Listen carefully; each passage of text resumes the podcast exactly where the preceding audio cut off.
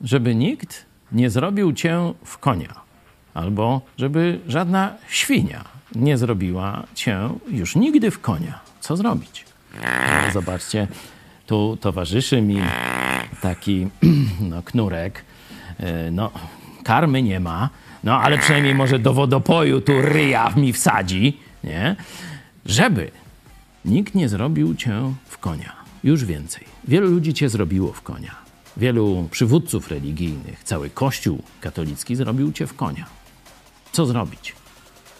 Żebyś już więcej temu nie uległ. Jezus powiedział, dał radę, którą ty możesz zastosować.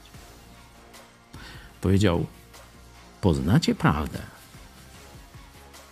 a prawda was wyzwoli od wpływu kłamstwa, od wpływu kłamców, świń, manipulatorów i tak dalej. To ty możesz zrobić. To nie ja tak to ująłem nawet.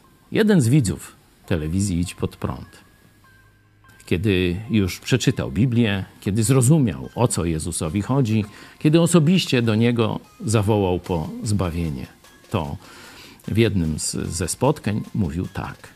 Sięgnąłem po Biblię, żeby już mnie nikt nigdy więcej nie zrobił w konia. Tu mam Nowy Testament. Oczywiście wysyłamy go wszystkim za darmo.